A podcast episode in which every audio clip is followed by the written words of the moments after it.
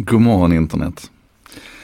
Det är, eh, det är den 15 maj 2020, coronatider och det är dags för En sak idag nummer 429. Som jag tänkte skulle bli en riktig sån här fredagssmällkaramell. Igår så pratade jag egentligen om någonting helt annat men jag snuddade vid Unreal Engine 5 som är en nysläppt grafikmotor eller egentligen en verktygsuppsättning med olika element för att skapa grafik då företrädesvis i spel. Sen har jag inte kunnat få någon ro i kroppen. Jag har gått och funderat på det här och jag har satt i en massa sammanhang och jag kunde se här Konrad Burman till exempel har postat att han hade samma problem. Liksom. Han, han kunde inte släppa det här och det spelar liksom ingen roll riktigt vilken ingång man har i det här för att spelnördarna har ju sin ingång va. Eh, medan resten av oss har, har en, en annan ingång som, som sätter det här i lite sammanhang. Jag ska bara kort först berätta vad Unreal 5 är. Då. Det är som sagt en, en verktygslåda och, och den innehåller då ett antal olika element. Jag kan räkna upp tre av dem. Det första är till exempel Lumen då som är ett sätt att hantera belysning i, i 3D-modeller. Och i motsats till, till, tidigare när du arbetade med belysning i 3D-modeller så är Lumen helt dynamiskt och den tar hänsyn till exakt hur ljuset läcker och, och, och jag, nej, vi gör så här. Vi går inte in i detaljer på detta för det, det reder jag inte ut heller. Även om jag har det här inne så kan jag liksom inte förklara det för någon annan. Utan vi bara säger så här, om du tänker dig all komplexiteten i ljus i den fysiska världen. Med alla, alla sorters skuggor och hur det läcker runt hörn och, och ta det och flytta in det i en dynamisk datormodell. Det är det ena. Det andra det är en eh, vi kan kalla det för en partikelmotor som handlar om att du kan låta objekt förstå varandra och interagera med varandra. Så att om du ska skicka iväg som man gör i demon en insektssvärm eller om det var en svärm med fladdermöss var det. Eh, så, så, behöver du, eller nej det var både insekter och fladdermöss det var där. För det var en fladdermössvärm som liksom drog iväg så här. Och sen så var det insekter som man så försökte undvika ljuset. Um, då behöver du liksom inte sitta som programmerare och arbeta med varje enskild fladdermus där, utan du definierar egentligen ett, ett regelverk och sen så ser de till att förhålla sig till varandra. Så att när de kommer för nära varandra så flyger de isär lite grann. Så en sån här partikelmotor är, är grundelement i väldigt många speldesigns, men, eller i väldigt många spelmotorer och grafikmotorer. Men här har man liksom tagit det ett steg längre så att de, de förstår sin omgivning och varandra bättre som Per-Olof säger, vi har kommit en, en bit på vägen sedan Pong 1972. Men det som var speciellt med Pong, det var just det här att, att objektet som du spelade med, den här bollen som for mellan, mellan paddlarna, hade en slags eh, regelverk definierat för sig så att det var den som styrde hur den skulle agera. Det tredje är, är ehm, eh, Nanite som är det som de allra flesta går igång mest på. Och det handlar helt enkelt om att du kan, det är en geometrimotor som du kan ladda med extremt detaljerade modeller.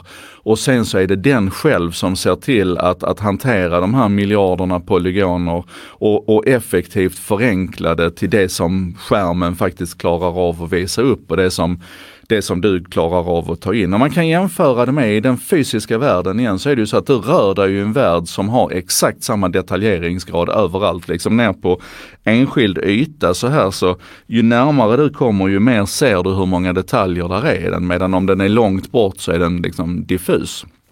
Och det man gör här med, med Nanite det är att man hanterar en värld som är lika komplex. Så jag som utvecklare behöver inte fundera på att när berget är sådär långt borta, då kan jag passa på att spara polygoner och trianglar genom att, att eh, helt enkelt inte göra det lika detaljerat, utan det här sköter spelmotorn själv.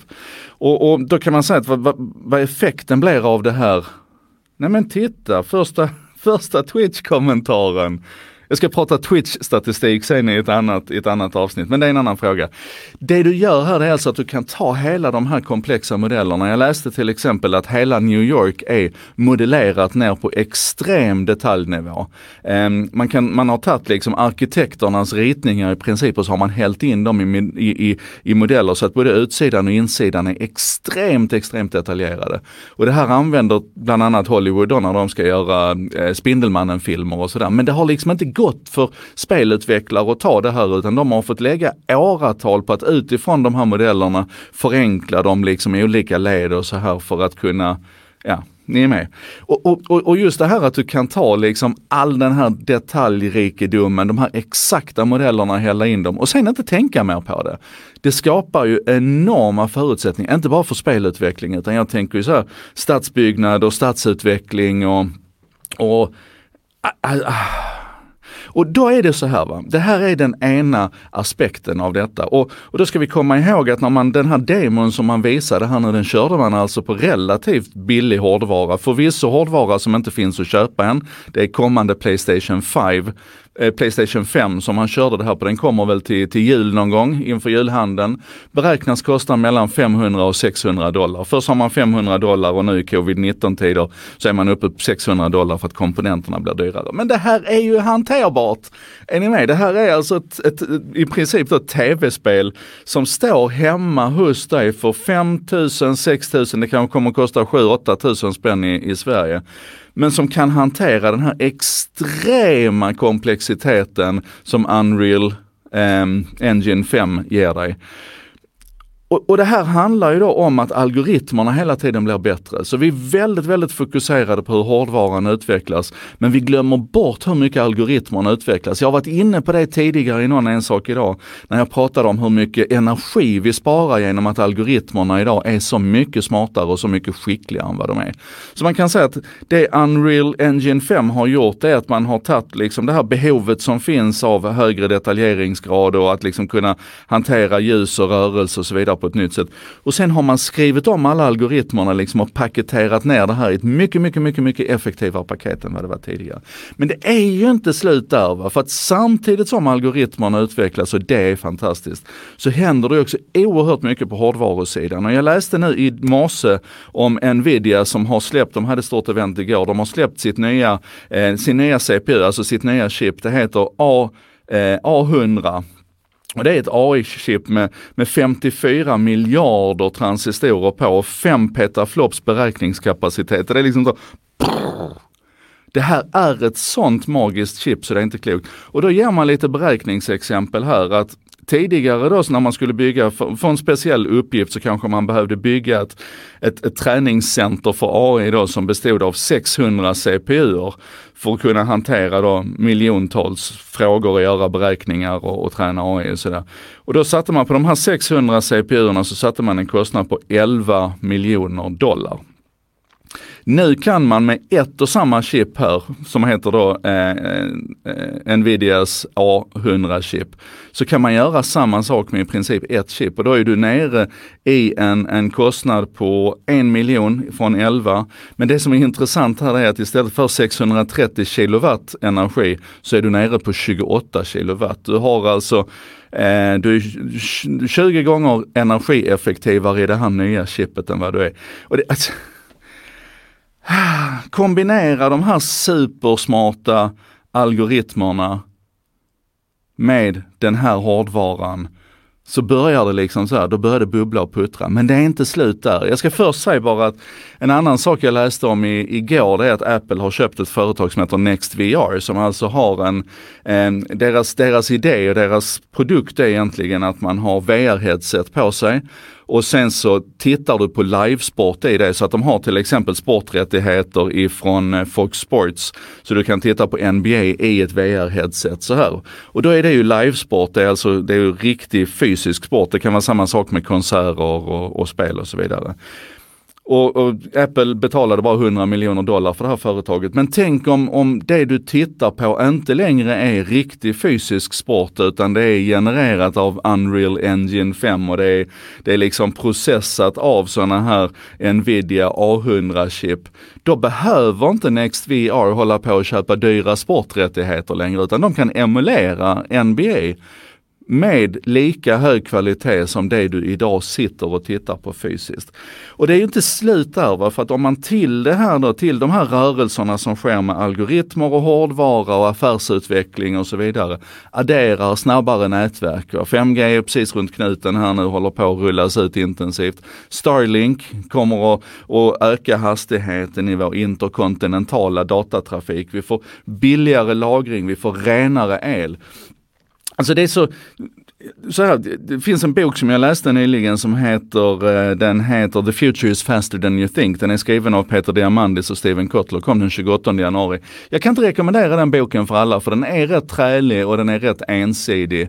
Men den tar upp det här med exponentiella rörelser och konvergerande rörelser. Alltså algoritmerna utvecklas exponentiellt, de blir exponentiellt snabbare, bättre, energieffektivare. Samma sak händer med våra processorer, våra CPU, utvecklas exponentiellt.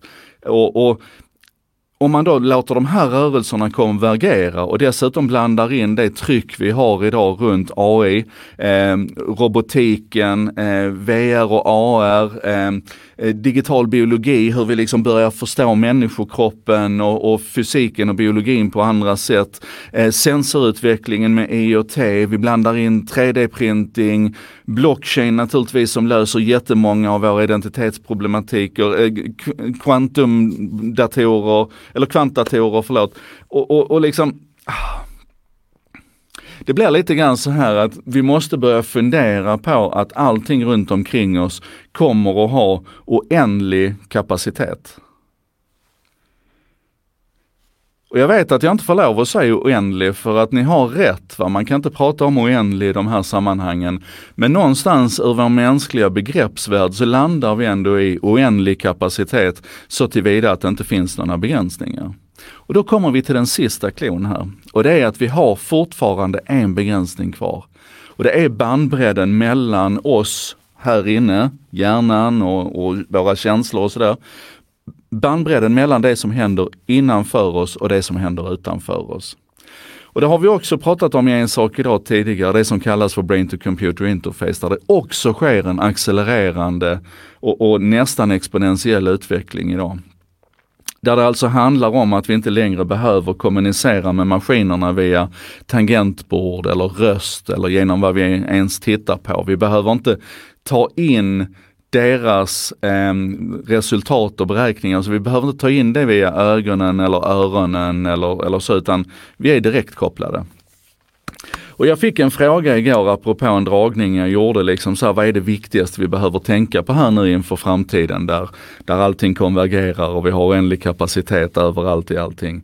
Och det är nog att, att vi måste glömma den här idén om att vi på något slags distanserat sätt kommer kunna kontrollera det här. Vi måste sluta prata om etisk AI. Som ett exempel. För snart finns det ingen off-knapp på den där AIn. Snart är det inte så att vi kan gå bort till den här maskinen och, och skruva på lite rattar och, och tycker vi att det här blir fel och, och, vi liksom ser de här skräckvisionerna från alla science fiction-filmerna komma till liv och så här maskinerna tar över så tror vi vi kan trycka på off-knappen. Den off-knappen finns snart inte längre. För att den här oändliga kapaciteten kommer att vara helt injackad i oss. Och där mina kära vänner fick ni väl någonting att bita i den här fredagen. Ta nu hem och fundera på det här och, och liksom eh, Nej, vet ni, jag släpper er där faktiskt. Jag har redan pratat alldeles för länge, men ni vet hur det är. Av det hjärtat är fullt. Kom ihåg, kapaciteten går upp, storlek och kostnad går ner. Vi kommer att se med vår mänskliga begreppsvärld liksom så här oändlig kapacitet i allting runt omkring oss. Den fysiska och den digitala världen kommer att flyta ihop oändligt. Då måste vi allihopa fokusera på att vi människor är så goda vi bara kan vara. Vi måste se till att människor slutar vara assholes. Mm. Anyway, sug på den. Vi ses på måndag.